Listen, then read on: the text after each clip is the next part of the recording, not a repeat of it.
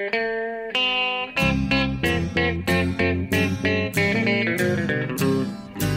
out there, we're on the air. It's hockey night tonight. Tension grows, the whistle blows, and the puck goes down the ice. The goalie jumps and the players bump, and the fans all go insane. Someone roars, Bobby scores at the good old hockey game. Oh, the good old hockey game is the best game you can name.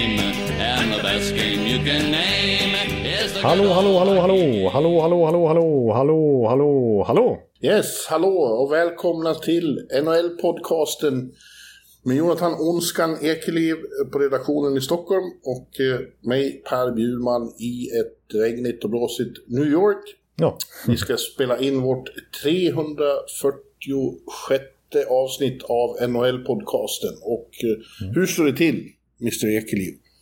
Ja nej, men det står väl rätt så bra till ändå skulle jag vilja säga. Även om jag som sagt, vilket jag var inne på i förra podden, har blivit så kallad eh, daglallare och eh, jobbar vanliga kontorstider då, och får kämpa lite för att eh, se ma- matcherna på nätterna. Eh, det har ju gått två Men i veckor. natt, eh, var du, i natt var du väl snarast, vi spelade in det här på tisdag, i natt var du väl snarast glad av att du inte behövde se ditt Tampa. Nej, jag vaskade faktiskt nattens match mot eh, Buffalo det blev 1-5. Och jag har ju sagt tidigare i podden många gånger att mitt mående styrs lite grann av hur det går för Tampa. Och då kan ni förstå att det, det, det är väl inte 5 plus just nu. Men eh, ja, jag har fortfarande två stycken Stanley Cup som jag lever lite grann på, vet du. Så att jag, Ja, ja, ja. men, eh, men eh, det är lite förnedrande att få stryka just mot Buffalo. Ja, det kan man väl definitivt säga. Jag tror vi kommer in på båda de Ja. lagen i det här Ja. avsnittet faktiskt. Så att vi ska väl inte analysera Ja, det för mycket än. Men eh, absolut, så är det. Men det är bra att du, det är bra att du fortsätter vad vi kallar i, i bloggen, vad vi kallar trallgökar. De som eh, aldrig är uppe på nätterna och, och följer med i, i kommentatorspåret. De har officiellt blivit utnämnda till trallgökar. Ja, Så du är en trallgök. Jag har, jag har ju varit noga med att poängtera att jag inte varit en sån tidigare. Eftersom att jag, alltså, jag, jag, att jag inte ska ramla ner i det träsket så att säga. Men nu, nu ramlar jag ju längre och längre ner vet du. Alltså, ju längre säsongen har gått hittills. Eh, Det är ju... det är ju Långt ner i trallgöksträsket. Ja, precis. Där hittar man ju något äckligt, tyvärr. Ja. Ja, ja, ja, som sagt, här är det lite, eh, en, en, en, lite ruggig tisdag i New York. Vi har fått eh, eh, årets första så kallade nor'easter eh, är här. Det är en sån storm som kommer från Oj då. Atlanten och glider in över nordost i, i USA. Eh, Det är inte snö då, men det är regn och, och blåst. Eh, Just nu är det ganska lugnt, tycker jag det ser ut som. Jag, jag fick en känsla av att det vargen kommer-läge igen. Att de drar på för mycket så att man... Men eh, det är i alla fall så att det en sitta inne idag. Det finns ingen anledning att gå ut alls. Nej, jag förstår. Men det är, när vi pratade lite här på förhand så förstod jag det som att det kanske är vad Bjurman behöver här efter en intensiv NHL-start här de första veckorna. Ja, det har varit rätt mycket. Men eh, det är okej med mig. Det, är, det går rätt fort ändå. Alltså, vi har hållit på i... Ja, det här är tredje veckan vi är inne på. Och det känns ju redan som att vi är väldigt på väg in i, i lunken. Redan. Nyhetens behag från, från första omgångarna har ju lagt sig lite grann. Ja, möjligen. Precis. Nu har det ändå eh, kommit så pass långt att man liksom har vant sig igen vid att det är NHL varje natt. Liksom. Och det är ju för sig inte dumt, men det är ju inte lika, lika exalterande, brutalt sådär som... Alltså det är nästan som när, när slutspelet drar igång, även när grundserien drar igång, att det är så här frustande hästar Ja, och allt det där som du brukar säga. Jo, jo, men, men eh, det, samtidigt är det ju något eh, vackert med det här eh, eviga serenaden som aldrig tar slut. Ja, jag, jag gillar grundserien. Alltså. Ja, ja, man ska inte det, det blir en, liksom en, det blir soundtracket av ens vardag. Det är ständigt NHL. ja, precis, precis. Och jag kommer säga samma sak även i januari. Liksom. Ja, det kommer perioder när jag blir lite less och trött och, och eh, sitta igenom sega februarimatcher i, i The Rock mellan Devils och, och Blue Jackets. Är inte liksom, står inte högst på agendan just då. Nej. Jag har sett blogginlägg därifrån eh, som inte varit 17 000 tecken långa utan som varit ungefär eh, 18 tecken långa. Där Kill det står typ now. Kill me now, ja precis. Punkt. Ja, Shoot me now. ja så att eh, jag Ja. vet ju att, att du kan hamna där ibland. ja, så blir det. Men du, är, du, är, du, du blir road av vad som helst. Om du så ser en bottenmatch eh, så, är det, så, så hittar du något att titta på. Ja, faktiskt. Jag, jag, har, jag har aldrig varit i Kill me now-läge när det kommer till NHL på något sätt. Jag är väldigt långt därifrån faktiskt. Ja. Ja, härligt. Ja. Men du, i detta 346 avsnittet så tänkte vi eh, ta en liten titt på eh, positiva och negativa överraskningar så so far. Men om man ska komma ihåg då att det är nu det är verkligt lurigt med att dra för långa slutsatser. Just när det känns som att ja, nu fasas vi in i, i, i lunken och nu, nu eh, ser vi tydliga tendenser. Eh, men det gör vi väl egentligen inte. Alltså, det som händer nu säger inte nödvändigtvis så jättemycket om sen. Det är som vi brukar säga framåt Thanksgiving, om en månad. Mm. Säga. Då, då har liksom tabellen satt sig och det blir, då vet vi mer om, om, om hur det verkligen ligger till. Men ändå, ja. men det går inte att låta bli att dras med och, och, att spekulera i saker och ting. Det ska vi göra nu. Ja, det ska vi verkligen göra och vi kommer göra det eh, lite förbehållslöst höll jag på att säga. Men vi ska också analysera lite grann om det här faktiskt, om vi tror att det här kommer att hålla i sig respektive trend eller om vi tror att det bara är en början på säsongen fluk. Eh, för om vi tar till exempel, vi kanske kommer komma in på Toronto. Om man skulle liksom portionera ut en liten bit i februari där de går 2-4-1 i record då. Mm. Så kanske man inte skulle dra lika stora slutsatser av det jämfört med nu. Liksom. Nu har man inte så mycket annat att falla tillbaka på när säsongen precis har börjat. Nej. Ja, men vi ska ta eh, fem positiva respektive fem negativa överraskningar vardera. Mm. Och vi börjar på Ekeliv-fronten eh, med en eh, positiv överraskning som har som har livat upp i, i, i, i tralljökstillvaron. Just det, precis. Ja, och vi kan säga det också att vi har ju faktiskt inte kontrollerat varandras listor här innan. Så det kan ju vara så att vi har samma, men det gör inte så mycket. Då får vi bara diskutera det ännu mer. Ja. Eh, men eh, okej, okay, men ska jag börja med någonting som jag kan tänka mig att du har på din lista också i positiv riktning. Så eh, i allmänhet ser jag svenska rookies och kanske i synnerhet då Lucas Raymond. Ja, jo det finns såklart på min, på min lista också. Det har varit en, en strålande vecka för, för våra svenska rookies. Och just Lucas Raymond då kulminerade ju hela det med, med ett eh, hattrick och en assist, alltså fyra poäng, när Detroit sopade till, vilka var de sopade till? Ja, det var ju ett lag som vi kommer komma in på på negativa överraskningar kan jag definitivt ja, säga. Chicago. Chicago. Ja, ja eh, här är här. Och, och eh, alltså, det finns bara två rookies i Detroit Red Wings historia som har gjort fyra poäng i en och samma match. Mm. Och den ena var Gordie Howe och den andra var Steve Eisenman. ja, det... Så det är rätt hyggligt sällskap Lukas tar sig in i här. Men även Jonathan Dahlén har ju varit, har varit väldigt lyckad med eh, San Jose. Mm. Eh, William Eklund har också varit, även om de tyckte att han, eh, det var lite hårt för honom som 19-åring att spela så mycket. Han har varit med ända sedan eh, rookie-campen. Så han fick vila en match och det tog många tydligen som inteckning för att han är på väg hem. Men så, det verkar inte vara självskrivet. Han är med nu i, i, i natt igen. eh, och han har ju varit väldigt nyttig för San Jose. Ja, precis. Och som sagt, framskjuten roll i de matcherna han spelat har ju varit eh, intill Thomas Hertel i andra kedjan. Liksom. Ja. Och Dahlén fortsatte i första kedjan. Nej, de, de har ju verkligen... Alltså San Jose fortsätter gå bra. Visserligen torsk då mot eh, Boston. Ja, men det var väntat. Det, mm.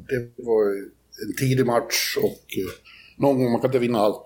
Nej, precis. Sen eh, visserligen när jag lyfter på motorhuven där och, och kollar på mina underliggande siffror, vilket du tycker att jag kanske gör lite väl hög utsträckning ofta, så, så är väl kanske deras start inte riktigt lika imponerande. De har varit ganska tillbaka tryckta sett till de siffrorna. Om man ser till exempel skott försök för och emot hittills så är det inget annat lag som har större negativ målskillnad där.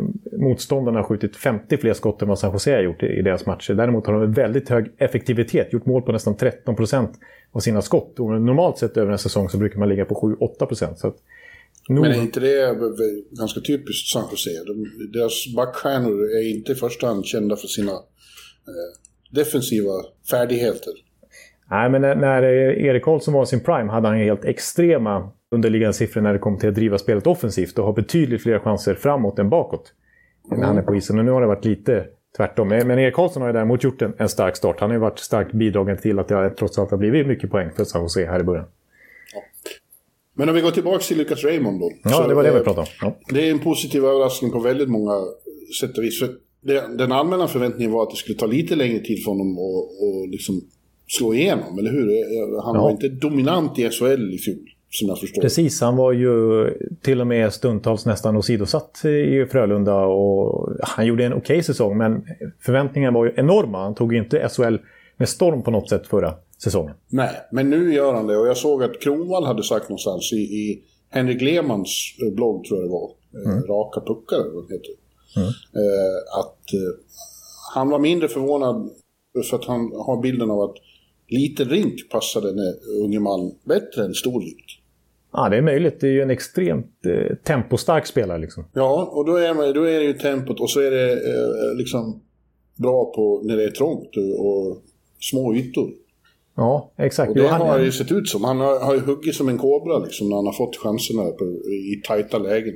Ja, precis. Och eh, vilket väl Jeff Blashill varit inne på mycket när han har hyllat, eh, han har fått frågor om, om Raymond och hyllat honom här under säsongsupptakten så har han liksom alltid börjat med att säga ah, “He's a complete player, he's a good defensive player too”. Bla, bla, bla. Han har liksom börjat där för att ja. han är ja. liksom väldigt intensiv och, och, han, han gör jobbet i båda ändar av isen. Inte bara en offensivt språkande spelare utan eh, han är lite så Detroit-skolad på något sätt. Det, det, är så som de vill ha sina spelare. Att, att eh, ja, men tvåvägs forwards helt enkelt. Ja, det är en väldigt lyckad kedja överhuvudtaget han spelar i med, med Dylan Larkin och eh, Tyler Bertuzzi.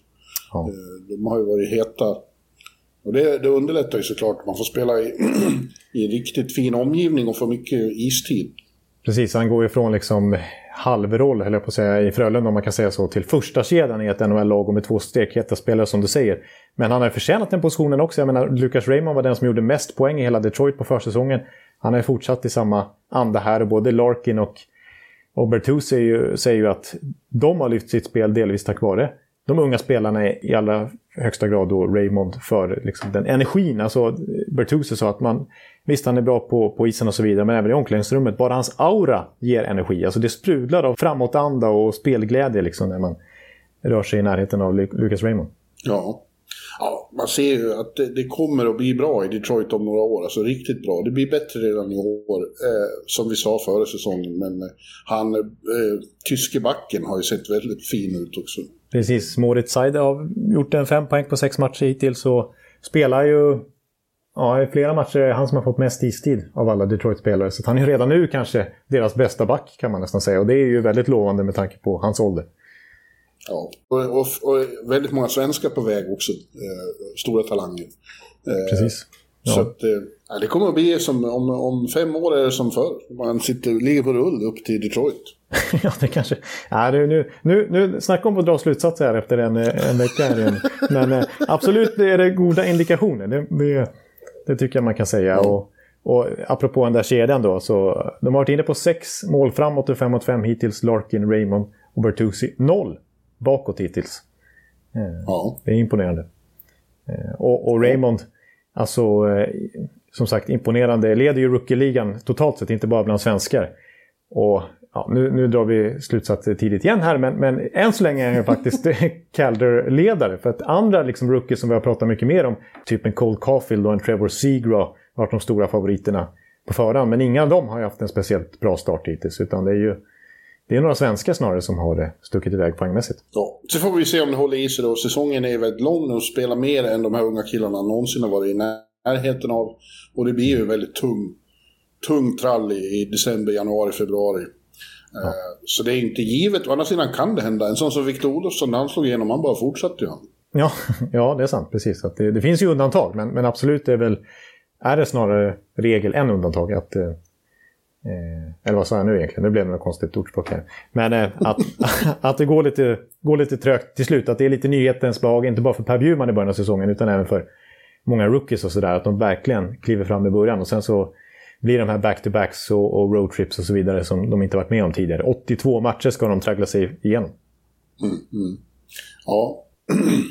eh, vad, vad, sa jag nu? Det, det, det finns inte många som eh, använder det uttrycket lika mycket som Jonathan Ekelid nej.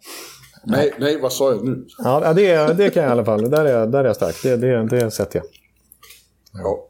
Eh, några andra, det var ju mycket eh, hås kring Nils Lundqvist också här i New York. Eh, han har inte exploderat på samma sätt, han spelar ju, men, men det är ju eh, klassiskt att det är, det är tuffare att vara ung back.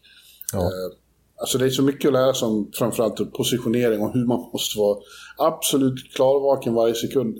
Misstag är ju... Det, jag, jag såg John Cooper sa det efter den där Buffalo-matchen med Tampa att varje gång man begår ett misstag i, i, i, i den här ligan och framförallt om man slår felpassningar mm. så leker man verkligen med elden. Alltså man blir straffad direkt. Alltså. Ja. ja, verkligen. Och, och just på grund av det som du säger där så tror jag att i motsats till Raymond kanske Nils Lundqvist, han spelar typ missgynnas lite grann av den lilla isen. Att liksom, ja. han är van vid mer tid med pucken. Att det inte är, hugger två spelare på honom direkt i sarghörnet utan att han hinner kanske vända upp och så vidare. Har någon halv sekund. Ja, inte bara han, utan det är, det är så för alla europeiska backar, ja. eller de flesta, så är det, det, är en, det är en svårare omställning. Precis, och där finns det ju mängder på exempel på både svenska backar och backar i allmänhet som har haft det ganska kämpigt första tiden i NHL för att sen explodera. Viktor Hedman är väl det allra största exemplet. Jag vet inte om jag skulle vilja påstå att Nils har det kämpigt, men han har inte liksom gjort bra succé. Nej, precis. Och sen så, han kommer men det från, var inte att vänta sig. Nej, så kommer han från en roll i Luleå dessutom med offensiva minuter och liksom PP, första PP-back och så vidare. Nu ska han konkurrera med Adam Fox om den positionen och då, då är det klart att han faller bakom det. Ja, han är ju tredje back på ja. ja. Och Jakob Pettersson har inte direkt, det har eh, inte fortsatt ösa in mål, men han, eh, han fortsätter spela och där finns det väldigt mycket potential också. Ja, precis. Så det, är, det är en Oskar Sten som fick chansen i, i Boston här och Viktor Söderström blir i Arizona, så det är lite rookies här och var. Oskar Sten tyckte jag såg riktigt pigg ut när jag såg dem. Eh, ja, det var mot ja. San Jose. Han hade ja. en assist, men det, han, var, eh, han var väldigt framfusig även i övrigt. Ja.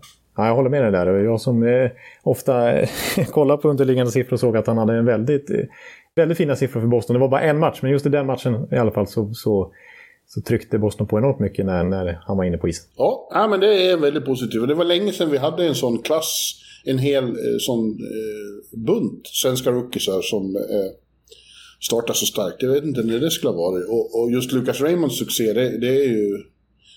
Ja, vi har ju... Eh, Eh, Fabian Brunström då som gjorde hattrick i sin första match med Dallas, men det var inte riktigt jämförbart. Det var senare under säsongen och han var ju liksom en... Eh, en late bloomer i Sverige. Eh, ja, eh, som det var huggsexa om och sen blev det inte så bra.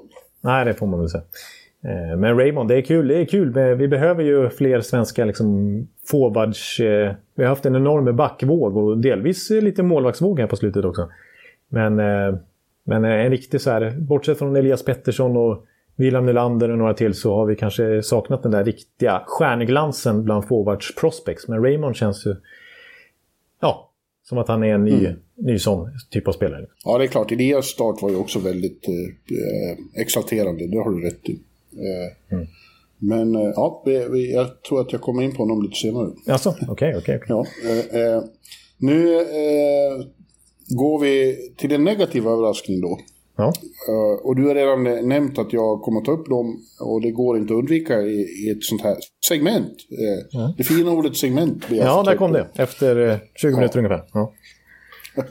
och det är Chicago Blackhawks då som mm. befinner sig i kris.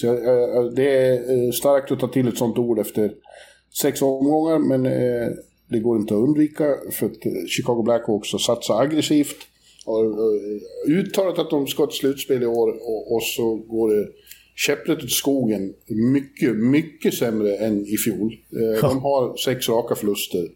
Och eh, det skakar ordentligt på Madison Street, där utanför downtown Chicago. Ja. Nu, medan vi spelar in nu så, så, ska det bli presskonferens. Vi får se om vi får några uppgifter under inspelningen här. det är angående den här rättsskandalen som det har varit utredning på. Det, vad vi har hört på förhand är att det ska bli organizational eh, changes. Ja, precis. Så att, eh, en sån som Stan Bowman, vi vet inte om han är, Nej. Om han är kvar in, innan den här podden är färdiginspelad. Eh, kanske anledning att återkomma till Chicago, men det vi vet nu i alla fall, ja som du säger, sex raka torsk. Eh, ibland har de haft eh, någorlunda bra PP, men om vi ser till 5 mot 5 då så har de en målskillnad på 6-25 hittills. Ja, eh, och eh, ja, jag har ju sett några matcher med dem och, och, och spelet i egen zon eh, defensivt har varit fullständigt horribelt faktiskt emellanåt. Ja. Det är helt... Man blir helt häpen av att se hur... hur ingen som helst... De verkar inte ha någon som helst struktur eller idé om hur de ska göra. Det är bara panik hela tiden. Ja. Ja, och jag, så, det kommer ju tillbaka till vår, vår, ett ämne vi har verkligen redan grottat ner oss i ordentligt. Det är Jeremy, Jeremy Colleton, då, eh, coachen. Det är ju hans och hans medarbetares ansvar att sätta en struktur där. Ja, precis. För det är och verkligen... den lyser med sin frånvaro, så, så vitt jag kan se i alla fall. År efter år med, med Colleton vid rodret så är det ju faktiskt så. Och på ett sätt har jag liksom, vill jag ju blamea lite att de kanske inte riktigt har eh, jättebra defensiva backar eller liksom spelskickliga backar heller. Och Seth Jones är en stor värvning och visserligen borde kunna lyfta lite grann, men vi har varit inne på också att han hans eh, liksom, spel senaste åren i Columbus, framförallt sista eh, här i våras, var inte speciellt bra. Så att, att han skulle komma in och ensam kunna kunna vända på alltihopa där är väl, var väl för stora förhoppningar helt enkelt. Men nej, som du säger, bara, bara kolla på till exempel New York Islanders när Barry Trotz kom in där. De, de var ju det lag som släppte in mest mål i hela NHL. Och med exakt samma backuppsättning året efter, fast med Barry Trotz i båset, så blev de det lag som släppte in minst antal mål. Så ja. det är klart att en coach har en enorm påverkan på den defensiva strukturen. Och nu har det sett likadant ut med Colleton i båset under 3-4 år. här. Eh, så att visst måste man snegla på honom och undra liksom hur jobbar han egentligen med defensiven och är han kapabel att kunna styra upp det? Precis. Eh, det är ju väldigt tungt för en sån som Mark-André Fleury. Som ja. kommer från regerande Vessina och, och det bara regnar in mål på honom. Ja, precis. Det är, och det är, det är inte bara... Liksom, han är inte chanslös på alla skott heller, utan nu, nu, han har fått en extrem extremt tung start här i, i Chicago. Vi har 83 procent tror jag hittills. Ja, jag tycker det syns att han har tappat självförtroende. Liksom. Att han inte är väldigt frustrerad. Ja. Eh, det är inte så vanligt att se. Han, Mark så fort han släppt in mål åker han alltid ut i sarghörnet. Det är en klassisk flurry. Ja. Han gör en, en lov, i, men då brukar han bara göra Nu åker han och slår i sargen och, och svär och grimaserar ser man. Ja, just det. En så kallad Johan Holmqvist-lov brukar jag kalla det. För det, det kommer jag ihåg att jag noterade redan tidigt 2000-tal. Att Honken, vad gör du ute i hörnet varenda gång du släpper in ett mål? Ja, ja. ja. Eh, men det har ju också satt sig i självförtroende på vissa forwards. Patrick Kane, han har ju sett ut som han lirar lite så men det har ju varit ganska beskedlig utdelning vet jag som tog honom som första val i fantasy. Och, och, och är väldigt upprörd över att jag gjorde det ja, jag, jag trodde mycket på eh, ändå Chicagos offensiv trots allt. Men eh, mm. det konstiga är ju att offensiven har varit lika dålig som defensiven. Eh, de har gjort otroligt lite mål här inledningsvis. Jo. Precis som de har släppt ja. in väldigt mycket. Men, men, offensiven har ju... Ser man till underliggande siffror så, så är faktiskt Chicago... Defensiven är marginellt bättre än förra året faktiskt. Och det säger inte mycket för att den var väldigt dålig i fjol också. Men offensivt så är de det lag som har lägst expected goals i hela NHL. Och trots den liksom enorma arsenalen får man trots allt säga att de har offensivt ju. Ja, vilken mess. Och så problem utanför isen då. Med, det, det, kan haverera helt där. Oj, oj, oj. Ja. Och um, i ett större perspektiv, alltså vi, jag tror vi kanske kommer in på om det blir några... Ori, ori, nej, nu blev det konstigt. Nu ska jag försöka. Ori, organizational changes. Nej, det där nu... Oj, oj, oj. det, där nej, det är okej. Okay. Det är ett svårt ord att säga. Ja, det, det var svårt. Ja. Organizational changes. Just det, det precis. Så kanske vi får komma in på det. Organisatoriska förändringar. Så kan man ju för sig säga också, så blev det lite lättare. Eh, och mer förståeligt för alla som lyssnar på podden. Men, ja. Eh, ja, men om, alltså, det är till och med så, det var väl inne på lite grann förra veckan, att, att det inte varit samma publiktillströmning här nu, trots att restriktionerna har släppt på i princip alla håll i USA. Men eh, Även Chicago, då, deras svit på över 500 matcher utsålt United Center har brutits nu och det har, det har varit stort missnöje där. Eh, och dessutom har ägaren, Wirtz-familjen där haft lite, verkar som att de är en av dem som påverkats väldigt negativt av pandemin och att det är lite, lite kämpigt med pengarna där. Och det har nämnts som en anledning till att det skulle vara egentligen att de har varit lite motvilliga till att sparka typ Bowman och Colleton rent ekonomiskt och ta in någon dyr ersättare. Men, eh, men överlag så är det faktiskt så att Alltså om man ska ta ett stort perspektiv, liksom att många klubbar har tappat i publik. Så är det faktiskt så att, att Chicago är ju en av de fem bärande klubbarna i NHL. Eh, det, är, det, är, fem klubbar som är värda en miljard dollar. Och det är Chicago, det är Rangers, det är Toronto, det är Boston och det är Montreal. Eh, mm. Och börjar de här klubbarna vackla lite ekonomiskt så är inte alls bra för NHL och för lönetaket och allt liksom. Ja, hela NHLs mående egentligen för att eh, eh de här fem klubbarna av 32 står för över en fjärdedel av hela ligans intäkter. Och ja. ungefär 50% av ligans intäkter, så mycket faktiskt, är publikintäkter. Så att det är viktigt att Chicago, för hela ligans skull, egentligen inte tappar för mycket publik. Eh, för det är en så enorm, enorm marknad, de kan ta enorma summor för, för biljetterna när, när det är hög efterfrågan. Och, och nu verkar det vara så, sådär igen i Chicago som det var för 15-20 år sedan. Mm. Ja, det, men det är förståeligt. Varför ska man bränna mycket pengar på att gå och se skit för? Ja, det, det förstår man. Ja. Ja, nej. Det, vi får se. Än har det inte dykt upp något uppgifter, men vi återkommer om det, om det gör det. Så vi får veta vad, vad, ja. vad, som sägs där. Ja. Men du, eh, Jonte, en, eh, då tar du en negativ nyhet, eller överraskning då? Ja, eh, ja men då tar jag ett, ja, ett annat lag som det har snackats mycket om första veckorna som inte har haft en bra start heller. Där förväntningarna också är enorma. Eh, av naturliga skäl med tanke på, på hur mycket de spenderar på sin trupp. Och det är ju Toronto Maple Leafs. Eh, ja, de har jag också på den här listan. Vi, det är många krockar här. ja, men, det, ja, men det, det kanske är förståeligt. Men eh, jag väljer att framförallt fokusera då på ja, två storstjärnor. Jag, jag väljer faktiskt framförallt Mitch Marner faktiskt som en en jättestor bes ja. besvikelse hittills. Ja. Mm. Ja, nej, det, det, har ju varit riktigt illa. Särskilt nu på slutet. Alltså, de åkte på 7-1 borta mot Pittsburgh och, och, så var det helt givet att Carolina skulle vinna i, i, i natt. Eh, med Fredrik Andersson i, i, i kassen. Ja, i kassen mot sitt, mot sitt gamla klubb. Ja, det var dejligt för honom. Ja, det var det verkligen. Ja, ja. Eh, nej, men och det är redan, eh, det skälls i Toronto, eller i, i Maple Leaf Nation om att eh, det här håller inte med de här stora fyra, de fyra stora. Liksom. Att de får så mycket. Vi måste bygga ett nytt lag. Ja, precis. Eh, och just Marner känns... Ja, men ta Marner då. Ja, precis. För förut har det känts som att William Nylander har varit fansens stora hackkyckling när det gått dåligt. Men nu har det nästan vänt till att det är Mitch Marner. För William Nylander har ju inte gjort en någorlunda okej okay säsongstart jämfört med många andra i Toronto. Men, men Mitch Marner står alltså på en assist, noll mål. Eh, hittills efter sju matcher. Eh. Ja, det här är ju en trend som sitter i sig slutspelet då, för han gjorde inga poäng då heller. Nej, han var ju iskall i slutspelet. Han har, inte, han har faktiskt inte gjort ett mål i slutspel sedan 2019. Eh, fem mål på 32 slutspelsmatcher i karriären. Och precis, det, det, känns som att hela Toronto fortfarande är kvar i det här handlingsförlamade eh, mentala härdsmältan som de råkade ut för när, när Montreal började gå ikapp dem i, i slutspelet förra året. Det, det, är lite samma, samma Toronto vi ser nu. Liksom, ja, när de mötte Pittsburgh i den där 7-1-krossen så, så var det liksom, de var varandras motsatser. Det är ett Pittsburgh som verkligen, alla spelare klev fram. Det var en kollektiv... Ja, prata inte så mycket om dem nu. Vi Nej. återkommer till dem. Ja, precis. Fläckfri insats liksom, medan, medan Toronto spretade åt alla håll.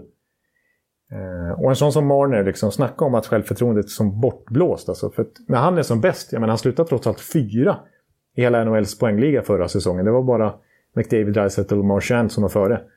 Men, men när han är som bäst, då, då ser allting så otroligt smooth ut. Liksom. Hur han bara glider fram på isen och, och alla svåra saker ser otroligt enkla ut.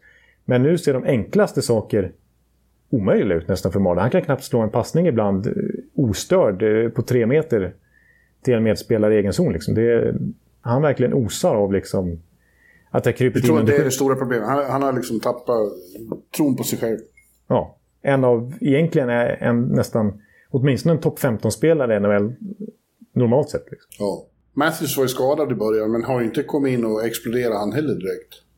Nej, precis. Han eh, gjorde sitt första mål här i Carolina-matchen, var det väl. Uh, ja. ja. Det hade de ingen glädje av. Nej, precis. Och, och jag som pratade inför säsongen att eh, det skulle bli otroligt spännande att följa honom. Visserligen hade han den här handledsoperationen inför säsongen då, men i våras under den förkortade grundserien då så hade han alltså ett snitt som hade motsvarat 65 mål en normal 82 matchers säsong. Så att menar, mm. ja, han, kan inte, han måste verkligen växla upp enormt många hack eh, om man ska komma upp i de siffrorna. Och om Toronto ska lyfta för att när deras toppkvartett icke levererar på det här viset då, då är det väldigt tunt. Kan det vara så att de saknar den, eh, som jag undervärderar då i så fall, eh, Zach Hyman? Ja, det är ju Edmonton, Edmonton-fansen i alla fall är väldigt noga med att poängtera. Ja. att då, han har blivit ny fansfavorit där, Hyman. Ja, ja kanske är... Ja, du sa ju det. Jag betraktar honom som en av de allra bästa i den där rollen. ut efter sargerna och så. Ja. ja, jag kan ju säga då att jag kanske kommer in mer på honom senare. ja. Ja. Nu har vi Ja, nästan nej, det- avslöjat de här listorna i förväg, men så blir det. Jag, jag eh, har ju väldigt, eh, en väldigt engagerad, passionerad grupp eh, livsfans i kommentatorspåret i bloggen. Och de är redan enormt frustrerade, kan jag säga. Ja. Eh, våra vänner Chall, Idsint och Toki heter de framförallt. Ja, de är tokiga. Ja, de är tokiga. Och jag har sagt att eh, ja, det, det här hör man några gånger per säsong. Nu ska jag sluta titta, jag ska inte offra några fler nätter på det här. Sen kommer de i alla fall. Men, men, men eh, det är jobbigt för dem. Och, och, ja, du kan ju tänka dig hur det var under Montreal-serien. Ja, de de har, har liksom tillåtelse egentligen att vara trallgökar, men de, de kämpar på. Ja, nu kommer den första om Chicago här och det är inte så dramatiskt. Det är Frank Cervelli som skriver att Blackhawks senior VP of Hockey Ops Al McIsaac will be departing the organization of the investigation findings. Eh, Det låter som att de tar, tar någon högst eh, perifer eh, person i ledningen och Och kastar under bussen. Ja, senior VP of... Ja, ja du Ja, hör. det, ja, det var, ja, var stökigt. Oklart. Ja. Eh, Men, ja. men eh, i Toronto, alltså Kyle Dubas har ju varit extremt tydlig med att han står och faller med det här lagbygget och med Keefe som tränare i princip. Eh, så att ska liksom fortsätta så här för, för Toronto, ja, då måste ju liksom, det är ju en stor del av bygget egentligen som måste, alltså av managerbygget som måste, måste bort. För jag menar, Dubas har ju inte mycket trovärdighet kvar. Det är ju Dubas regim egentligen som, som i så fall ska bort nästan. För man kan ju inte bara sparka känner jag, när han har förlängt med honom för ett par veckor sedan. Nej, det är vad folk säger. Fire, fire Dubas. I så fall. Ja. Men det är ju otroligt sällan man, man byter general manager mitt under säsongen. Det ger ju ingenting. Nej, det senaste jag kommer ihåg att det hände var väl eh, eh, Hextall. När han lämnade Philadelphia där i... Ja, men det var ju mer pers personal, personella problem runt organisationen. Ja, det kanske var...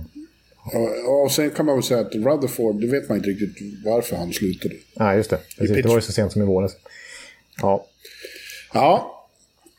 Men, men- apropå Pittsburgh då. Ja, förlåt, du har något mer här. Nej, nej, egentligen inte. Men, men som sagt, eh, ja, precis, det kom där första. Eh, eh. Ja. Men, men det är som sagt, det har gått väldigt kort av säsongen. Vi har ju sett, visserligen brukar vi säga så här, det här blir motsägelsefullt, båda grejer jag kommer in på nu. Men att dels är det jobbigt att få en riktigt tung, det är nästan värre att få en tung start än att få en Men det är mer negativt att få Ja. en tung start än vad det är positivt att få en bra start. Ja, precis. För det kan vara svårt att gräva sig upp ur hålet man har Ja. grävt. Det är Eh, lätt att falla. ja, ja, precis. Men samtidigt har vi ju liksom, är det ju ganska ofta som... eh, Alltså att det kan vara bra att stöta på adversity tidigt också. Eh, Ja. Om man lyckas Ja, lösa det. Ja. ja, det är så de intalar sig i alla fall. De som hamnar snett. Men sådana exempel finns det många av också. Ja, Jonte. Då tar du en positiv eller? Ja, det gör jag. Och då sa jag Pittsburgh Penguins. eh, Och som du nämnde där i förbigående. Och eh, jag får helt enkelt göra en pudel vad gäller dem. Jag har ju sagt att de ska missa slutspel och det kan ju i och för sig fortfarande hända väldigt mycket. Som sagt, eh, positiva starter är inte nödvändigtvis ett tecken på hur det ska gå. Men det, det har ju sett så bra ut.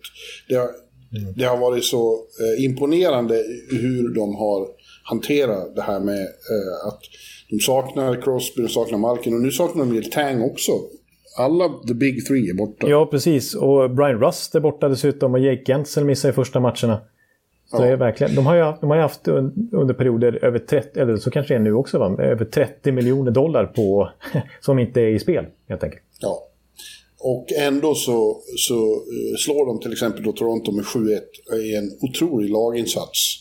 Eh, och det här säger så mycket tror jag om, om Mike Sullivan. Och det, Jag pratade med Marcus Pettersson efter den matchen. Han gjorde ju en kanonmatch där. The Dragon som de kallar honom eftersom han är så stor. Ja, just det. Precis. TV-kommentatorerna ropade om att The Dragon, han, han lyfte liksom. Ja. Han hade två mål och två assist tror jag det var. Nej, ett mål Ett- och ett två... plus tre. Ett, mål. ett plus tre, så var det. Eh, Och eh, han, han sa ju det att vi så, och det är ju sant, vi är så vana vid det här att vi saknar människor. Då, eh, saknar stjärnor. Liksom. För de har ju varit borta mycket, Crosby och Malkin, de senaste Ja, precis. åren. Exakt. Ofta har det varit att Crosby, om Crosby har varit med igen så har Malkin varit borta och vice versa. Liksom. Ja, och ibland har det nästan varit så att det har kört ihop sig när de har kommit in båda två samtidigt. Ja, just det. Precis. Att det nästan varit bra att någon har varit borta, för de spelar bättre. Ja. ja, men han menar att vi är så bra på att hantera det här. Vi har ett system som alla tror på, som vi kan falla tillbaka på. Och, och eh, det, det, är en sån maskin. Alla som kliver in vet exakt vad de ska göra och ta sina roller eh, och så vidare. Mm. Och det är, ju, det är ju Mike Sullivan. Ja, det är det verkligen. Det... Så att han sitter minsann inte löst som jag trodde. Nej, precis. Trots att han inte är Hextals man då, så är han ju, har han ju verkligen ett system som är perfekt. De är otroligt svåra att... Alltså, de är ju otroligt skickliga, skickliga i mittzonen också. Alltså att eh, när de får ställa upp så är de ju ja. extremt svåra att komma igenom. Eh, och det är ju Sullivans struktur helt enkelt, den som Chicago skulle behöva. Ja. Ja, eh, de har ju, eftersom jag sett till hur negativ syn jag hade på dem eh, innan säsongen eh, så är det en stor positiv överraskning för mig. Jag har, har inget emot det, jag gillar att bli proven wrong. Ja. ja. Och man tänker bara egentligen alltså när de spelar så här bra med det här spelarmaterialet. Om man slänger in Crosby, om man slänger in Malkin, om man slänger in Letang igen, Brian Rust, en Jake Gensel ja. i full form. Men det, det, det, finns ju... Borde ju vara otroligt bra då. Om de kan slå Toronto med 7-1 liksom. Ja. Men, ja. Frågetecknet är fortfarande i kassen. Eh, inte om de har utmanats så riktigt mycket än. Vi får se när, när det hettar till mer. Ja. ja. Man ska komma ihåg det, sen när vi är framme i mars så ser man ju tillbaka på oktober vilken, vilken uh, ointensiv hockey som spelades. ja, det är sant. kommer man att tycka då. Ja. Uh, så vi får se, men, men so far är ju Pittsburgh definitivt en av de stora positiva överraskningarna. Absolut. Och jag tog faktiskt inte med dem på min lista och chansar på att du skulle ha dem. Så att det inte skulle bli krock där i alla fall. Så att, uppenbarligen har vi lite skillnad i alla fall. Ja. Jaha, vad är det nu då? Du skulle du ta en positiv? Ja, då ska jag ta en positiv då. Eh, ja. Jaha, ja men då tar jag... Eh, jag tar två i en då, för jag tror att den kanske är en av de här två kommer Eller har du tagit någon negativ alls än? Ja, det har du. Ja, jag tog ju... Toronto, ja. Toronto, ja, precis. Ja. Ja. Ja. Få höra en positiv nu ja, men då, Ja, precis. Ja, men då tar jag eh, Elias Lindholm plus Andrew Mangiapane i Calgary. Ja. Mm. Ja, de har jag i färskt minne eftersom jag såg dem eh, i natt. De var ju här på Garden. Mm. För första gången sedan eh, oktober 2018. Ja, det är tre år sedan vi senast såg Calgary Flames på, på Garden. Första gången sedan 2020, början av 2020 som vi hörde kanadensiska nationalsång. Oj, vad exotiskt. Ja. ja, just det. Ja, och de vann ju ja, stort. Eh, ja, det gjorde de. Och, och de eh, spelade, nu var Rangers riktigt bedrövliga emellanåt, men Calgary imponerade på mig. Ja. Detta Daryl Sutter Calgary. Ja, faktiskt. Han kanske får mer positiv effekt på dem än, än, än vad man tror.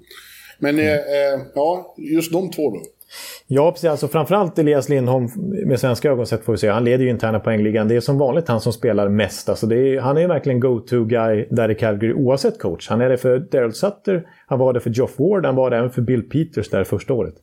Ja. Eh, han, alltså jag, jag kollade, kollade, upp faktiskt för att han är ju så, han är verkligen complete player som får liksom förtroende i alla möjliga spelsituationer. Och en sån sak som boxplay. Alltså sen han kom till Calgary så har han spelat 150 minuter mer i boxplay än någon annan forward i laget. På enormt förtroende även defensivt då. Eh, men ja, sex mål på sex matcher har han ju. Ja, ja eh, efter helgen var han ju delad etta i skytteligan. Mm. Han gjorde ett hattrick där. Ja. Och eh, han är ju extremt bra på det, att hitta ytor och vara spelbar. Eh, skaffa sig lägen och liksom när han får pucken då hugger han. Ja, precis. Han har ju det spelet. Och sen så är han ju... Han är ju... Han kanske inte får tillräckligt mycket beröm för vilken... Och han kanske blivit ännu starkare de sista åren också. Eh, I kroppen liksom. Bara en sån aktion som man vet av målen mot Washington där. När han, eh, han är lite efter John Carlson i en liksom... Ja, John Carlson är sista man i, i Washington-försvaret och tror att han har koll på läget. Så kommer Elias ja. Lindholm med väldig fart där. Tackla bort i en open-iceare. Vad ska man säga? Axel mot axel-tackling där. John Carlson. Snor pucken av honom, kommer fri. Totalfintar bort Eh, Vitek Vanesek och gör mål. Det var ett riktigt klassmål som visade flera typer av eh, skills faktiskt. Ja, det var som han ryckte väskan av en gammal tant där när han blåste bort Karlsson. Ja. Ja, det var, det var imponerande. Så att, eh, absolut är det väl Lindholm man framförallt ska lyfta på hatten för. Men eh, också då Andrew Mangiapane som jag pratade lite om eh, inför säsongen. Att jag tror det kanske kan bli ett genombrott i NHL den här säsongen. Efter att ha dragit starka slutsatser av sju matcher i VM-turneringen i liksom... Eh, ja, det var ju nästan ett, ett C-VM liksom sett till hur många storstjärnor som inte var där på grund av att det var en bubbla i Riga liksom. Eh, mm. Men... Eh, han, var, han var bäst eh, i laget på garden igår. Ja. ja. Otrolig energi och, och kvick och, och liksom... Eh, kraft i varje eh, aktion.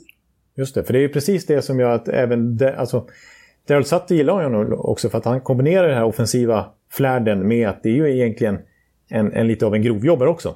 Som liksom mm. är energisk och så vidare. Och han säger själv då liksom att det kan börjat lossna offensivt nu beror på att han kanske i för hög utsträckning i sina första liksom, tid i NHL var då, då, då liksom var han en bottom six-spelare och att han, han var rädd för att göra misstag och liksom, han var fullt fokuserad på att bli en bra bottom six-spelare och bidra på det sättet med, med energi och så vidare och komma in och, och liksom inte släppa in mål. Men nu vågar han ju släppa fram sin offensiv. Och, och jag räknar ut här att om man tar hans sista fem NHL-matcher förra säsongen, hans sju matcher i VM i maj och sen hans fem första matcher den här säsongen i NHL. De, alltså hans 17 senaste tävlingsmatcher så har han gjort 17 mål. Andrew Mangiapane. Mm. Så 17 mot 17 matcher, det är ganska spektakulärt. Jag tror inte han kommer fortsätta så naturligtvis, men jag tror vi kan snart börja räkna Andrew Mangiapane som en riktig klassspelare i NHL faktiskt. Ja. Jag vill i sammanhanget också nämna Jakob Markström. Eh, ja. att eh, han eh, började väl säsongen sådär kanske, men eh, nu på slutet har han ju varit enastående. Han höll nollan mot, vilka var det nu? Eh, han stod inte Washington-matchen utan matchen innan ja. nollan mot eh, Detroit, var det det? Ja, det var Detroit ja, precis. Ja. ja. Och igår hade han kunnat hålla nollan igen här på Garden. Det var mest otur att han eh, strulpuck som, som eh, Rangers krigade in. Han gjorde några riktigt avgörande räddningar precis innan Calgary gjorde sina mål, eh, bland annat. Ja. Tog ett friläge av Panarin i första perioden och sen var det några riktigt, riktigt vassa räddningar. Han ser ut att vara på väg mot där, när han var som bäst i Vancouver innan han blev skadad det året. Ja. Och tänk, tänk dig eh, Calgary som om liksom Daryl Sutter kan få ordning lite grann bättre på strukturen i laget och så vidare. Och en, en riktigt bra målvakt för en gångs skull också. Eh, ja. då, då blir de ju rätt heta faktiskt. Och Markström, vi kan säga det också, just nu i alla fall så leder han väl eh, kampen om att vara första keeper för Sverige i, i Peking. Det tycker jag att han gör. Jag skulle just säga det, att eh, det är positiva nyheter för, för, för, för Sveriges OS-trupp om, om Markan skulle vara så här bra. Ja. Ja. ja. Eh, är det jag som ska ta en, en eh, negativ då? Ja, då blir det en negativ från Per Bjurman. Mm. Ja, och då tar jag, får, får lov att nämna eh, en av Jakobs tidigare lagkamrater i Vancouver och det är Elias Pettersson. Han är en av, av de superstars som, det är några stycken som har, har eh, haft det trögt i starten. Panarin som jag nämnde nyss är ju en. Han har inte alls kommit till här i, i Rangers start. Nej. Eh, producerar lite och ser, han ser obekväm ut på isen. Lite är det faktiskt samma med Mika Zibanejad. I alla fall var det det igår. Ja. Ja. Eh, nu kändes det i och för sig som det var en sån här typisk, kommer hem från lång roadtrip-match. Ja, det är ju ett mysterium varför så många lag alltid är så dåliga efter långa roadtrips. Ja, liksom första matchen tillbaks så blir det nästan alltid förlust. Ja. Det är ju en, eh, man skulle egentligen vilja ha statistik på det, men det känns som att de förlorar mer än 50% av de matcherna. Ja. Men Elias då, man, man trodde ju nu att när han var, eh, hade fått eh, Hel, han är fri från skada, spelsugen, fick kontraktet fixat. Men uh, de här första matcherna har varit sådär. Alltså, han var mot Seattle i lördags, den historiska matchen där i Climate Pledge Arena. Mm. Så vart han till slut degraderad och var att spela i tredje serien. Ja, bara en sån sak. För att det liksom, uh, han, han, är inte heller vän med... Det kanske är så att, att han missade campen. ja. och det kan vara så att det i, i, i början av säsongen märks. Han sa själv efter Seattle-matchen att uh, han, han var otroligt missnöjd själv också. Mitt spel är inte alls det jag vill att det ska vara. Nej. Nej, precis. Och dessutom då så var han ju skadad stor del av förra säsongen. Så hans senaste match, tävlingsmatch innan han eh, ja, kom in här nu när NHL drog igång, eh, var ju andra mars. Så det är över ett halvår som han inte har spelat eh, riktig hockey. Nej, men å andra sidan är han spelsugen. Liksom. Och man, är, och man har ju höga förväntningar, för när han var som bäst, det var, liksom, var ju ett otroligt hot hela tiden. Och öste ja. in mål. Men Precis. han sa ju också, han undersöker också det, vi har bara spelat sex matcher, jag är övertygad om att jag kommer att hitta mitt spel. Det är jag också övertygad om att han kommer. Men so far så är det, vi ska, vi ska understryka vad som är negativt och positivt so far. Och so far så har han inte eh, varit vad vi trodde att han skulle vara. Nej. Jag kommer ihåg eh, inför förra säsongen, alltså i The Hockey News ranking över de 50 bästa spelarna i världen i förra vintern då, för mindre än ett år sedan egentligen, typ i, den släpptes väl i januari då. Eh, mm. Då rankade de alltså Elias Pettersson som världens åttonde bästa spelare. Före Austin Matthews och före Nikita Kucherov. Ja. Ja, det, det mindre än ett år sett ut. Ja, det har inte sett ut riktigt än. Men eh, ja, det kan, det, det kan definitivt komma tillbaka med Elias. Ja. Apropå Vancouver och svenskar där så det däremot eh, glädjande att eh, Nils Höglander inte haft någon sophomore slump hittills. Nej, verkligen inte. Tvärtom så, visst det kanske inte öst in poäng, men han har varit väldigt bra och hyllas i Vancouver. Med det där ser jag att han har fått eh, smeknamnet Mr Fixit. Ja. För, för att liksom, den kedja som han spelar i, den kommer plötsligt igång hela tiden. Eh, när, när han eh, kliver in där. Han, eh, han är med, med, sin energi och med, sin, med sitt tvåvägsspel han också. Då. Eh, så, så blir han väldigt mycket. Fortfarande inte varit inne på ett enda bak, baklängesmål. Vilken kedjekamrat han har haft intill sig. Liksom. Så att, mm. ja, det är ett fynd för eh, Vancouver. Ja, just det. Oh, Stan, Stan Bowman has stepped aside. Oj då, ah. där kom bomben. Säger Danny Wirtz. He's out as GM. Där ser man. Ja, så det kan man väl kalla ordentliga organisatoriska förändringar. Och origi... Nej. Or organizational changes. Ja, tack. Där kom det. Nej, men precis. Och, och det känns ju faktiskt... Eh, nu blir det väldigt på uppstuds här, liksom, men, men det känns ju bra.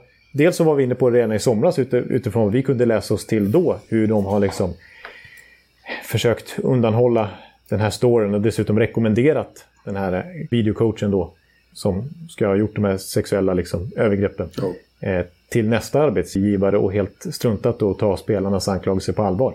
Och då är ju Stan Bowman högst liksom, ansvarig. Eh, det ska ju ha funnits till hans kännedom. Eh, men också rent sportsligt. Han har varit det väldigt länge. Det har varit väldigt riktningslöst i Chicago under en lång tid. Ja. Ja, nej, det, jag tycker att det känns uh, klokt. Uh, det, det, det får lov att bli eh, konsekvenser av det agerande de har ägnat sig åt där. Så är det bara. Jag tycker det är ett eh, bra beslut av familjen Wirtz att se till att han har stepped aside, som de säger. Ja, det var, ja, det var ändå en eh, väldigt stor nyhet i NHL-världen, får se. Ja, då vet vi det. Ja. Eh, Elias var vi inne på det. Ja, just det. Ja. Då ska jag ta en eh, negativ då, eller? Ja, du ska ju det. Eh, ja, då har vi sagt, eh, vi har sagt eh, Toronto, vi har sagt Elias Pettersson hade jag på min lista också. Vi hade Chicago på min lista. Då har jag två kvar och då får jag väl ta då kanske om mitt eget lag då, Tampa Bay Lightning. Ja, de tog inte jag med för jag tänkte att det, det kommer han att... Borde han ha i alla fall. Ja, precis. Eh, precis som Chicago så har de faktiskt inte lett en enda gång den här säsongen. Eh, de har två segrar, men det har varit i övertid. Så de har inte lett i de matcherna heller faktiskt. Nej, vad är det som pågår ju inte? Alltså, ja. Jag tycker dock alltså att de inte har spelat så där otroligt dåligt som skulle göra, som skulle göra mig väldigt orolig. Liksom. En, en, en stor orsak i alla fall, får man väl säga, och han var ju visserligen borta förra året också i grundserien, det är Nikita Kucherov. Alltså, de har ju gjort noll powerplay-mål sedan han skadade sig i tredje matchen. Ja. Och visst, de hade faktiskt nionde bästa powerplayet under våren eh, när han var borta. Men då, då hade de ju tränat på det på campen och var så inställda på det. Och nu var man inställda på att ha Kutjov under grundserien här. Så att eh, det har sett väldigt eh, spretigt ut. i PP framförallt. Men eh, ja, de, alltså, samtidigt så, så, tror jag att det kommer repa sig. Om jag kollar på mina underliggande siffror här igen så i Tampas fall så är det väldigt goda indikationer på att de inte är så dåliga. De, deras skottövertag i matcherna är tredje högst i hela NHL. Eh, de har, skjuter bara 4% av deras skott går i mål till skillnad från San Jose som jag var inne på som var uppe i nästan 13%. Jag menar, det kommer ju öka. Tampa är för skickliga spelare för att bara skjuta 4%. Mm. Eh, så att, eh, ja, Andrei Vasilevski kommer inte vara så här svajig som har varit första matcherna. Det är klart att det är en liten hangover på ett lag som har vunnit två Stanley Cup som har fått mycket kortare vila mellan säsongerna än många andra lag så här inledningsvis. Eh, till och med nyförvärv som de har tagit in i form av till exempel Corey Perry har ju spelat, har inte heller fått vila för han har gått i båda senaste finalerna. Så att det, viss baksmälla, lite trötthet, kanske inte hög, högsta motivationen här i början. Ställer väl till det lite plus att Kutjerov gick sönder. Ja, det är ju ändå så att eh, coach Ja, de klarade sig utan coacher förra säsongen. Men då hade de den här beramade tredje kedjan också.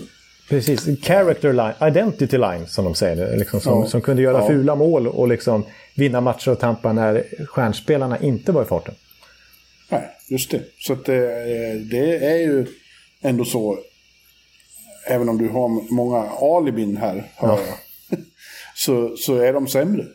Precis, Men det har ju väntat. Ja, exakt. Och sen så är det väl så att ja, de, de, jag tycker det är okej okay kvalitet eh, på de här eh, rookiesarna som de har tvingats plocka upp nu av lönetagsskäl. Eh, för att liksom fylla ut truppen. Eh, så.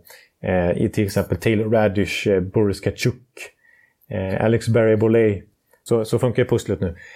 men det är inte riktigt samma kvalitet på dem som det var liksom för 5-6 år sedan när det kom upp en Kutjerov eller när det kom upp en Palat eller när det kom upp en Talle Jonsson eller när det kom upp en eh, Erik Sernak. En sån där. Eh, så att eh, visst har de lidit lite av också att de har fått trada mycket draftval och liksom inte haft samma kull som kommit upp här när de har varit ett topplag senaste åren. Så är det. Eh, jo, jo, så här. Jag ska gå och hämta kaffe så du kan sjunga Jaha. en eh, ledsen eh, serenad. Alltså. om Tampa. Vänta lite, jag kommer. Jaha. Vad gör du nu för tiden? Varför räddar du inte puckar? Du ska ju hålla Vesna klass. Ja, Andrei Vasilevski. Du måste skärpa till dig. Annars mår en sån som jag kast. Ja. Ja. ja det var... Ja, det, var, det var tur att vi inte hörde, höll jag på att säga. Ja, du, jag... Eh, vad gäller kaffe så måste jag säga att jag har tagit beslut om att dricka mindre kaffe. Oj, det låter nästan som ett livsomvälvande beslut. Ja, jag måste cut down on, on uh, kaffekonsumtion, framförallt på kvällstid. Uh, ja. Jag kan inte sova längre. Det är som en glödlampa jag tänder i huvudet när jag dricker kaffe. Ja.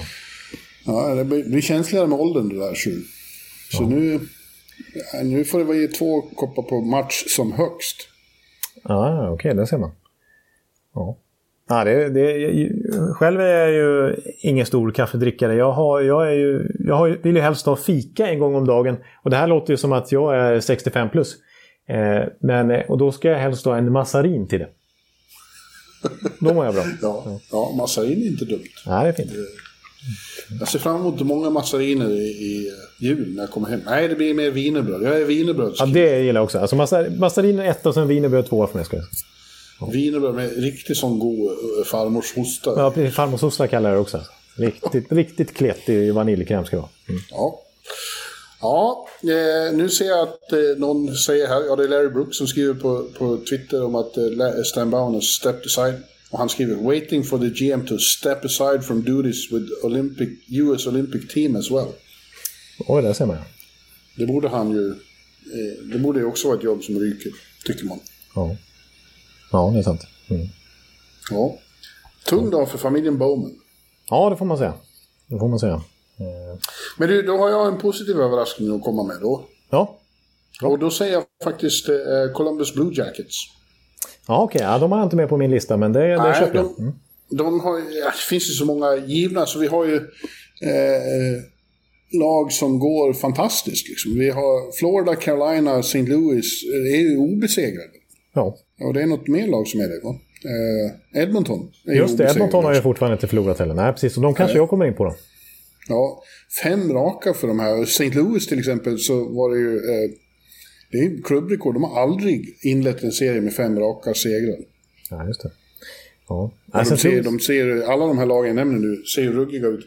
Men grejen med Columbus är ju att de trodde att de skulle vara ett hopplöst bottenlag i, i, i Metropolitan efter tårtans sorti och, och förlusten av Seth Jones och Cam Atkinson.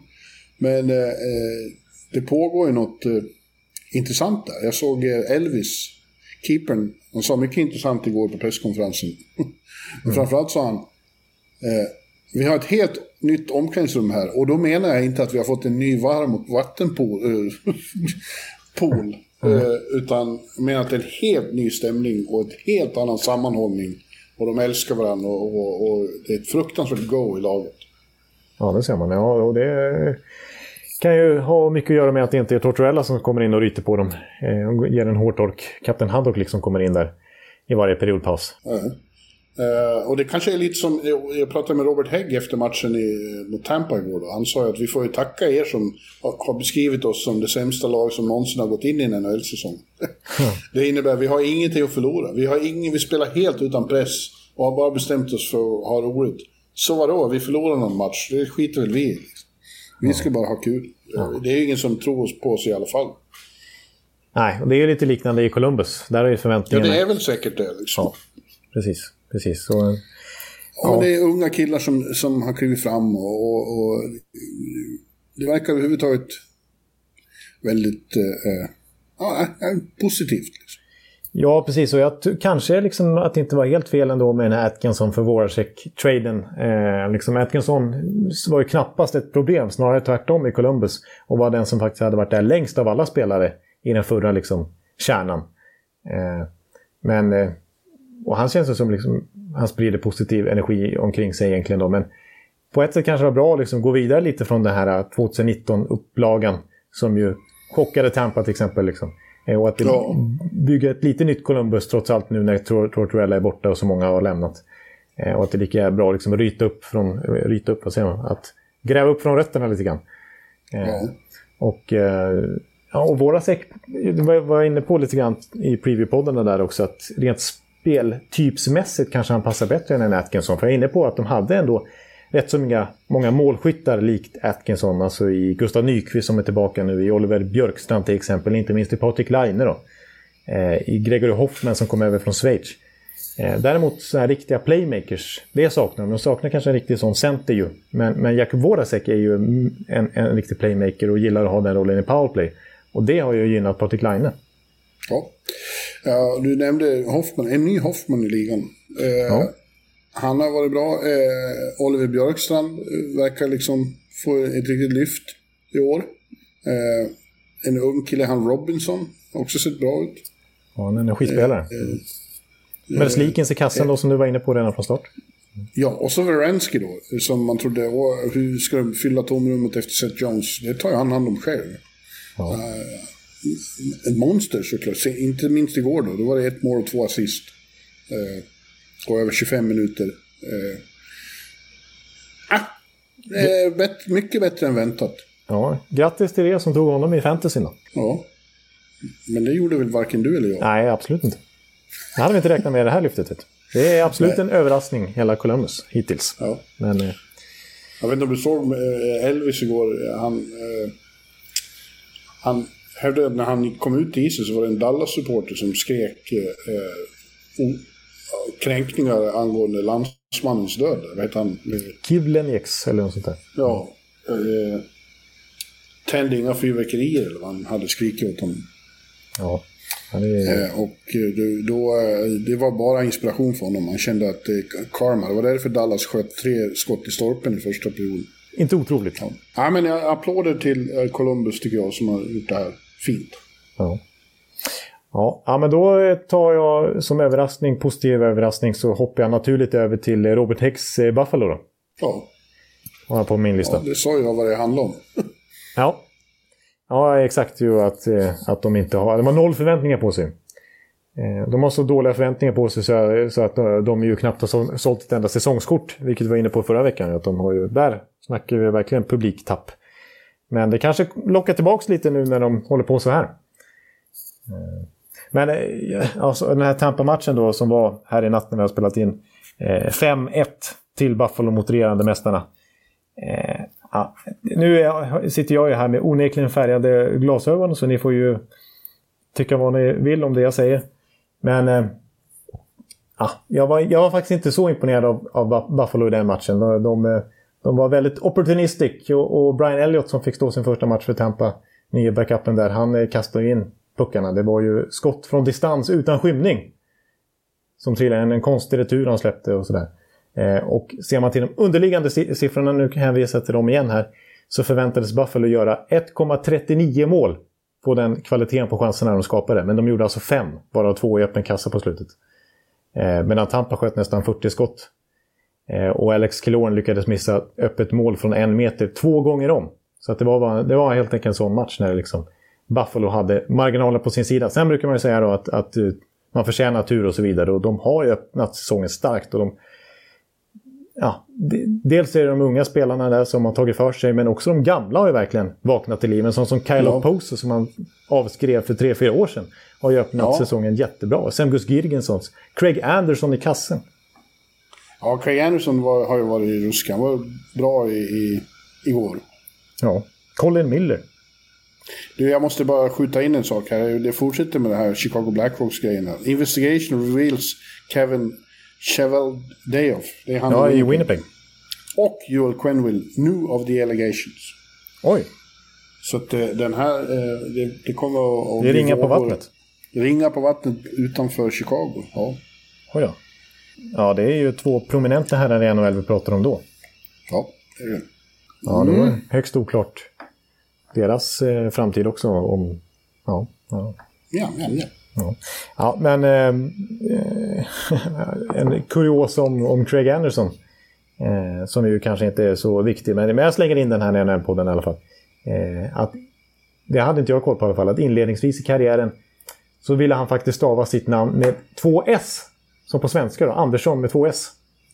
För att det, det tyckte han var mycket, jag tyckte han var coolt. För att han som tioåring hade varit i Sverige på någon hockeyturnering och då sett hur liksom i Sverige skrev man hans namn med två S.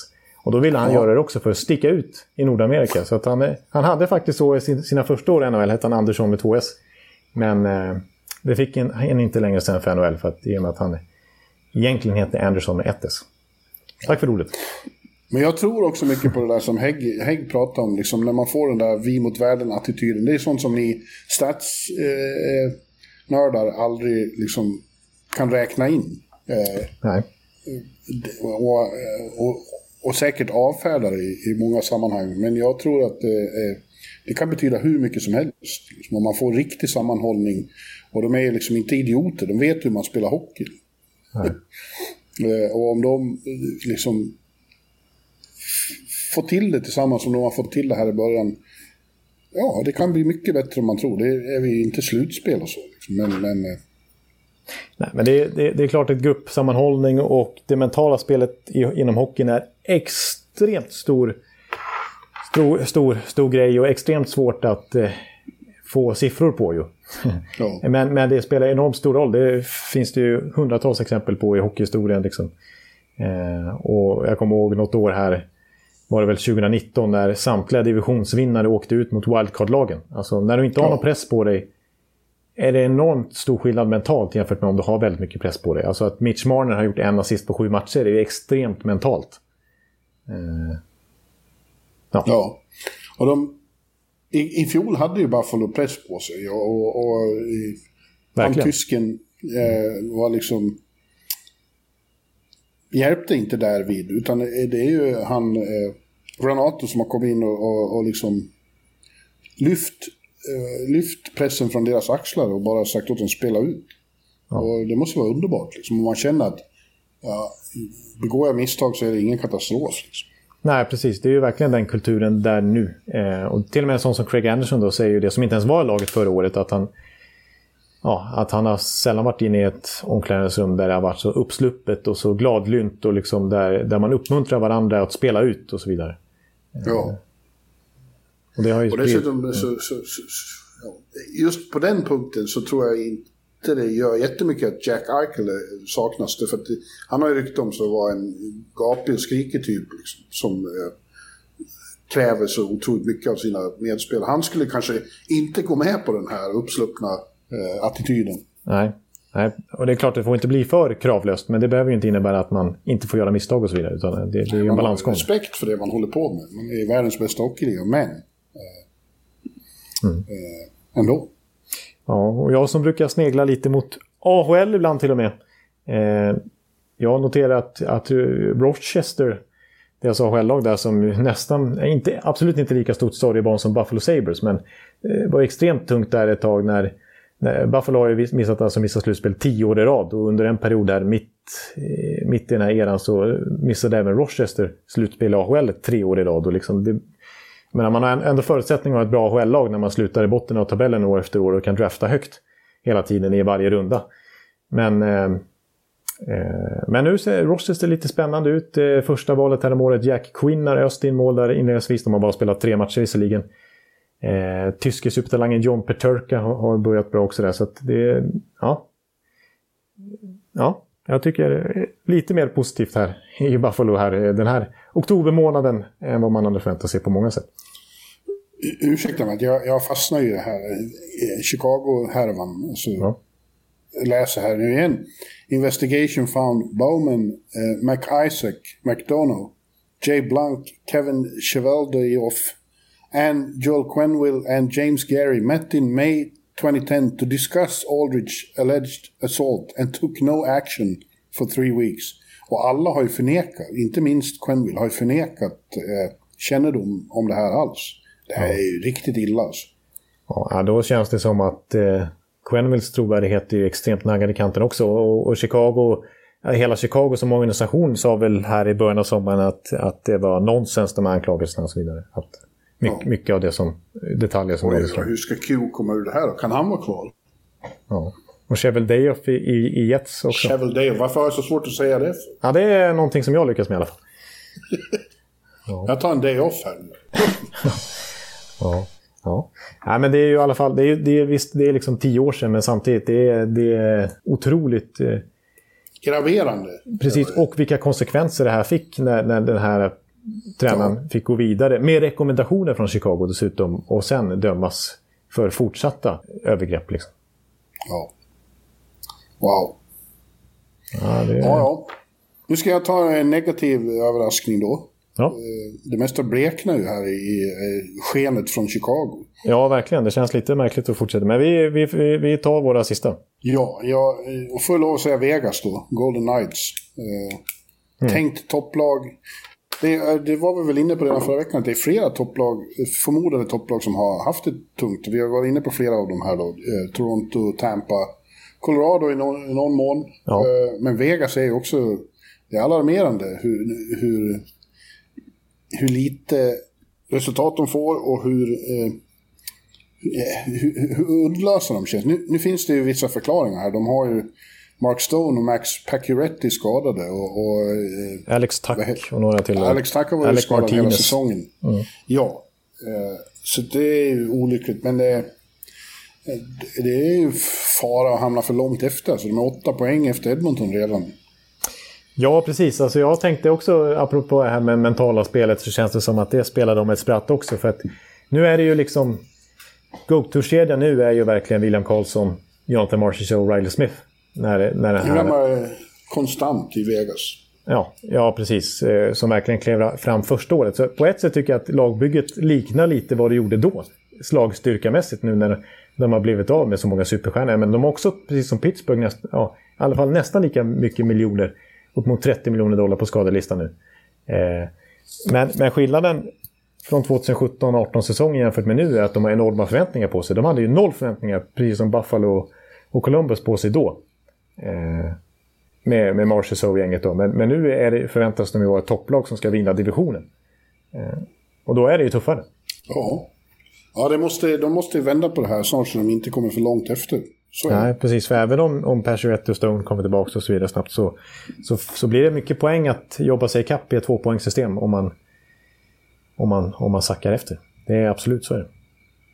Så att jag hade också med Vegas här på, på min lista. Ja. Oj, oj, vi fortsätter här alltså. The Predator was a member of Kernwood staff. Det är frågor nu om hur NHL kommer att hantera det här med, med dem. Med Quenville. Ja, ja det ser man. Oj, oj. Tänk om de får lov att byta coach nu också. Det skulle vara ett... Florida Panthers är med sex raka segrar. Mm. Då får för Samuelsson ta över. Ja, faktiskt. Just det. Då får vi en headcoach i NHL plötsligt. Ja, det här var verkligen en jättebomb som briserade mitt i podden. Alltså. Ja, verkligen. Ja, det här känns som att vi får onekligen anledning till att fortsätta prata om nästa vecka. När det ännu ja. mer är uppklarat. Ja, har du något Det här kanske bara är början. Har eh, jag, jag, har, eh, jag har alla negativa jag avverkade. Jag har två stycken positiva kvar. Ja, det gör jag med. Jag vet inte hur vi la upp det här. Nej, det råkade bli så. Det var för att några, några krockade. Ja, men, jag, eh, ja, men ta du. Go ahead. Ja, ja men jag, först skrev jag upp Rickard Rakell i Anaheim. Mm. Ja. Eh, ändå pytsat in fyra kassar hittills och sett lite vassare ut. Och överhuvudtaget Anaheims PP eh, tycker jag har varit ganska bra här faktiskt i början av säsongen. De eh, tog in Geoff Ward, den sparkade Calgary-coachen som annars gjorde det ganska bra ifrån sig där. Ja, du kommer ihåg hans slutspel där var inte så bra. Men han är känd mm. för att eh, sätta ett bra PP och det verkar eh, redan ha satt sig lite grann i Anaheim. Eh, ja, och, och Raquel har, har varit en viktig roll där. Han har återerövrat sin killer instinct. Jag har ju pratat med honom flera gånger. Dels säger han ju att de har, de har liksom eh, gjort dramatiska förändringar i sitt eh, offensiva spel för att eh, skapa mer, mer chanser. Ja. Men han fick hugga in en direkt också och säga att de säger ofta så att det liksom känns som puckarna går in istället för stolpe ut nu. Och jag har fått, han har fått liksom flytet. Och ja, mm. en gammal skyttekung som har, har hittat sitt sväng igen. Ja, precis. Och, och, vi har varit inne på det tidigare, men det kan väl understryka igen att han säkert är rätt så motiv- kanske extra motiverad den här säsongen. Det är kontraktsår, han ska spela för ett nytt kontrakt och även om det blir Anaheim eller någon annan klubb så är det ju värdet på det som, som avgörs lite grann den här säsongen. Och inte minst så är han ju inte given i en OS-trupp. Han måste bevisa att han vill vara med där. Eh, genom att prestera i vinter här. Om han ska bli uttagen av Johan Garpenlöv. Så det är också säkert. Och det, fortsätter han så här så är han ju naturligtvis eh, given där. Mm. Men eh, ja, Geoff Ward, jag tyckte det var lite intressant. Det är svårt att gå in på här i, NHL-podden för det var snyggt uppritat med lite pilar och sådär. Men eh, ja, det är ganska intressant hur han analyserade Geoff Ward olika PP. Varför Tampas PP varit så bra, varför Bostons PP varit så bra. Varför Alexander Ovechkin, hur Washington lägger upp det för att Alexander Ovechkin trots allt ska vara spelbar hela tiden i högna teckningscirkeln trots att alla vet att pucken ska komma dit. Så att, han är en riktig PP-nörd, Geoff Ward. Fick sparken till slut från, från Calgary då, men rattat Bostons PP en gång i tiden, varit framgångsrik med, med New Jerseys PP också. Så att, och han har kommit till Anaheim nu. Eh, eh Dallas Eakin sa det, om man skulle grada vad han kände kring att Joe Ford hade kommit in i staben så sa han 12 out of 10. Och nu blev det väldigt svengelska här men... Eh, men eh, ja. Så det, det har säkert en liten del i det också, att han har kommit in i Anaheim faktiskt. Yes. En positiv jag vill ta då, eftersom jag har sån kvar, mm. är Sergej Bobrovski. Ja. Eh, efter flera år där han svajat ordentligt så verkar det som att 10 miljoners mannen, 10 miljoner dollars mannen faktiskt spelar som det anstår någon med ett sånt kontrakt. Uh, vi trodde att det skulle vara Spencer Knight som tog över uh, rollen som första keeper i Florida direkt. Ja. Men det har han inte klarat av därför att Bob har varit så uh, lysande. Han har varit en av flera, men ändå distinkt del i att det gått så bra här i början. Ja, ja precis. Alltså, visst, Florida har ett extremt bra lag i alla lagdelar egentligen. Och, ja, de är kanske inte så beroende av att ha egentligen en toppmålvakt. De skulle vara topplag ändå.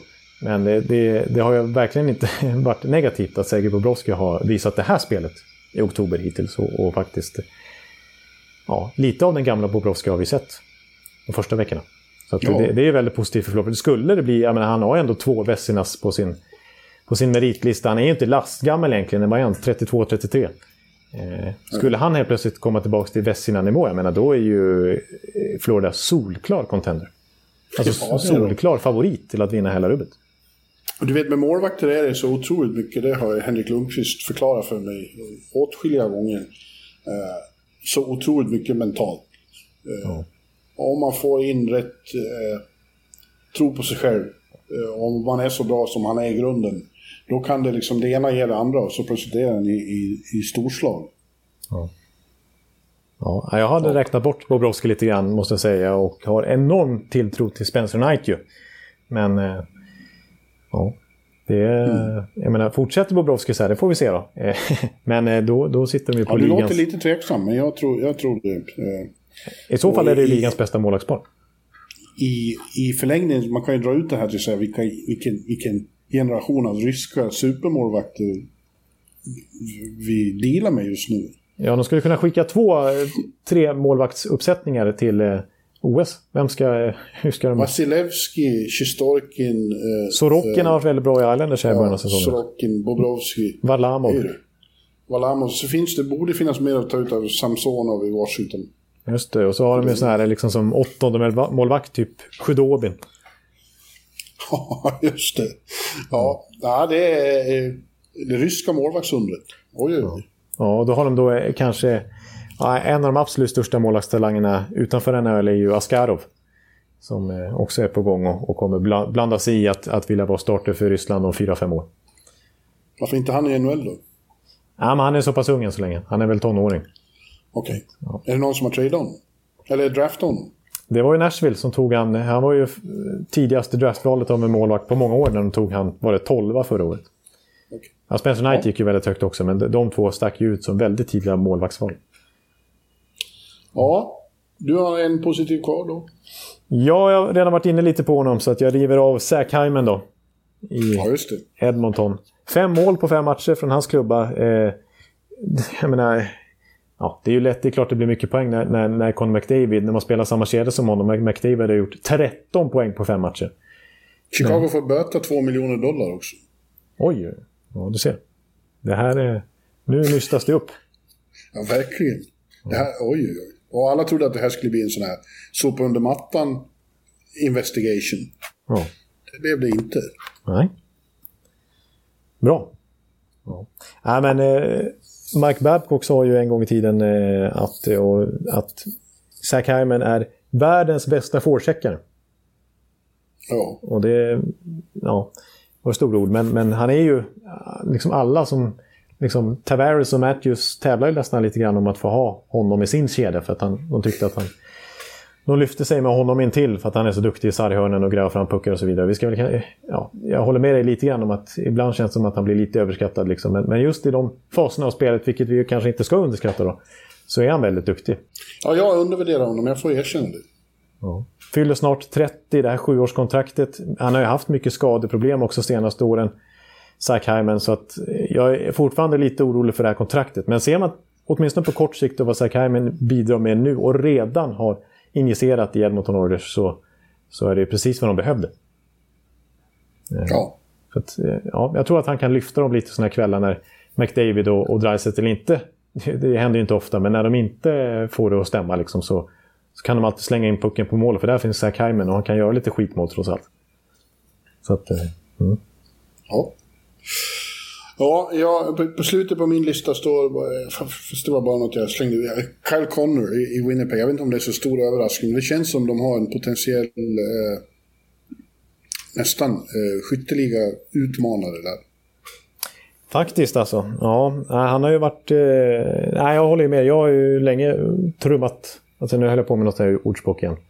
Slag, slaget på hans trumma skulle man säga på engelska. Eh, Nej, jag gillar Kyle Connor. Och, och, vi var inne lite på det i preview-poddarna faktiskt. Att eh, vi eh, slog fast att Kyle Connor skulle göra 40 mål den här säsongen. Och ska vi vara riktigt vågade så... så eh, om inte den här säsongen så någon gång i framtiden. Jag blir inte alls förvånad om Kyle Connor spränger 50-målsvallen.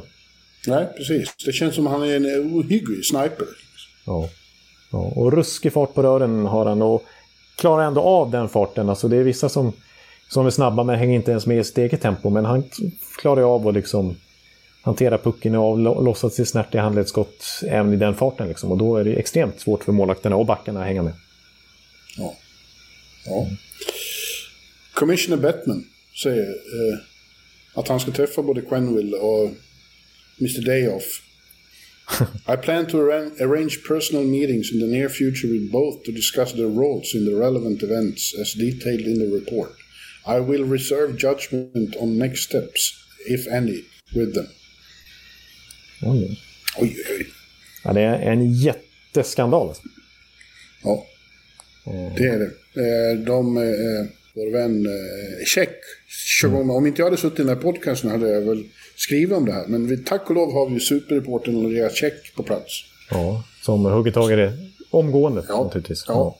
Ja, jag har faktiskt smsat med honom här och han är alldeles strax klar.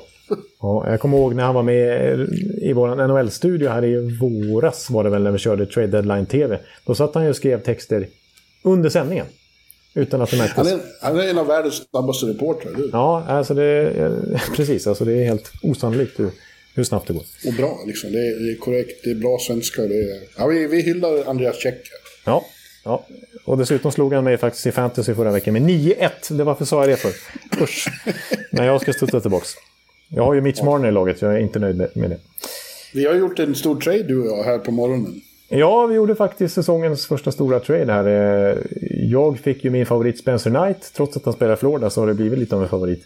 Och eh, Brock Besser. Och vilka fick du?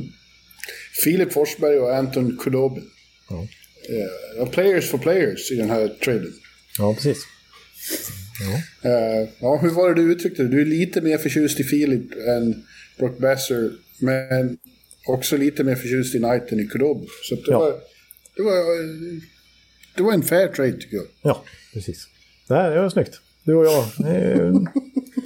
Ja, Men hörru du, eh, då är vi väl klara för den här veckan och det låter som eh, med all säkerhet kommer vi att få prata mycket om eh, Chicago och Quenville nästa vecka. Ja, precis. Då kommer ju ännu mer kommit fram och det är liksom fler ringar på vattnet. Det kommer fortsätta komma ringar på vattnet då. Så att, då har vi mycket mer att hugga tag i. Men är, vi kan ju bara konstatera att det är en enorm nyhet. En skandal har avslöjats, uppdagats och eh, det blir stora konsekvenser. Ja. ja, det är lite omskakande faktiskt det här. Ja, ja, jag vill eh, läsa om det här själv nu lite grann. Så vi får nästan trycka på stopp-knappen där och så får vi, får vi tacka alla som har lyssnat på oss så här långt. Och eh, så hörs vi ju igen nästa vecka. Det gör vi. Hej då! Hej! Hallå, hallå, hallå. Hallå, hallå, hallå. Alex Chiazot, Joe Luis Arena och Esposito. Esposito. Uttalsproblem, men vi tjötar ändå. Och alla kan vara lugna, inspelningsknappen är på. Bjuder Hanna Kohl, han är grym i sin roll. Från Kållesoffan har han fullständig kontroll på det som händer och sker. Det blir ju allt fler som rattar in hans blogg. Och lyssna på hans podd. One, two, time, speed, so Hallå, hallå, hallå. One, two, time, speed, so Hallå, hallå, hallå. Ekeliv, som är ung och har driv. Verkar stor och stark och känns allmänt massiv. Han hejar på Tampa och älskar Hedman. Sjunger som Sinatra. Ja, och där ser man. Nu är det dags för refräng. Dags för magi, Victor Norén. Du är ett geni. Så stand up at home and remove your hats. Höj volym, för nu är det plats. One, two, time, speed, so Hallå, hallå, hallå. One, two, time, speed, so Hallå, hallå, hallå. One, two, time, speed, so Hallå, hallå, hallå. One, two, time, speed, so Hallå, hallå, hallå. Det er utroligt længe siden mor, der samtidig trods har råd. Hallå, hallå, hallå. Det er utroligt længe siden mor, der samtidig trods har råd.